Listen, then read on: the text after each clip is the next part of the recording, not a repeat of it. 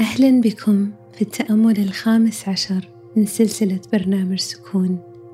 معكم شهد خيم اليوم في ظل ما نعيش في ظروف غريبة وغير اعتيادية الأخطاء والزلات قد ترد أكثر لشدة الضغوط وتزايدها علينا. ولعلنا نحتاج الصفح والمغفرة واللطف والرفق أكثر من أي وقت مضى. ولعل الاحتياج هذا أكبر لمجموعات تبذل كل ما في وسعها للقيام بعملها على أكمل وجه. لكن هذا لا يعصمهم من الخطأ. واليوم نستحضر إنسانيتهم وبشريتهم وألمهم وتعبهم فيقصرون دون قصد منهم سواء كنت جالس أو مستلقي بكل رفق أغمض عينيك أو أرحهما بالنظر للأسفل إن كنت تفضل ذلك. استحضر بذهنك كل من كان في خط الدفاع الأول من ممرضين وأطباء وفنيين ومسعفين. الذين اعتزلوا عوائلهم وأهاليهم لحمايتهم من الوباء. لكل من كان يعمل الآن في الأمن والدفاع في النظافة في التوصيل في المتاجر الغذائية الصيدليات.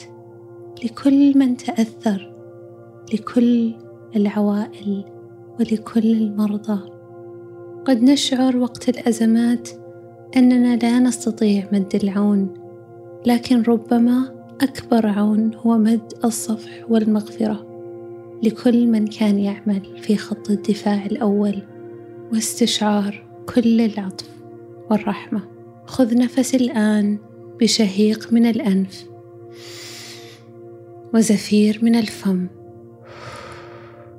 مستشعرا بقلبك كل الجهود والأوقات المعطاة من أولئك الذين يعملون بالخطوط الأمامية وقد يكونون بسبب الجهد الكبير الملقى على عاتقهم تأخروا قليلا أو قصروا قليلا.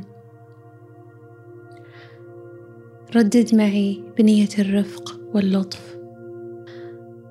أنا أرسل كل الصفح والمغفرة لكل من كان يعمل في الأزمات من أجلنا. فكما هم معنا نحن معهم. أنا أرسل كل الصفح والمغفرة لكل من كان يعمل في الأزمات من أجلنا. فكما هم معنا نحن معهم. أنا أرسل كل الصفح والمغفرة لكل من كان يعمل في الأزمات من أجلنا. فكما هم معنا نحن معهم. استشعر المغفرة المرسلة وتذكر أن ما ترسله يعود إليك. متى ما جهزت يمكنك فتح عينيك والحضور هنا والآن بتذكر تواجد المغفرة حولك وحول جميع الأفراد العاملين في الأزمات خلال يومك. إلى أن ألقاك غدا. كل المغفرة مرسلة إليك.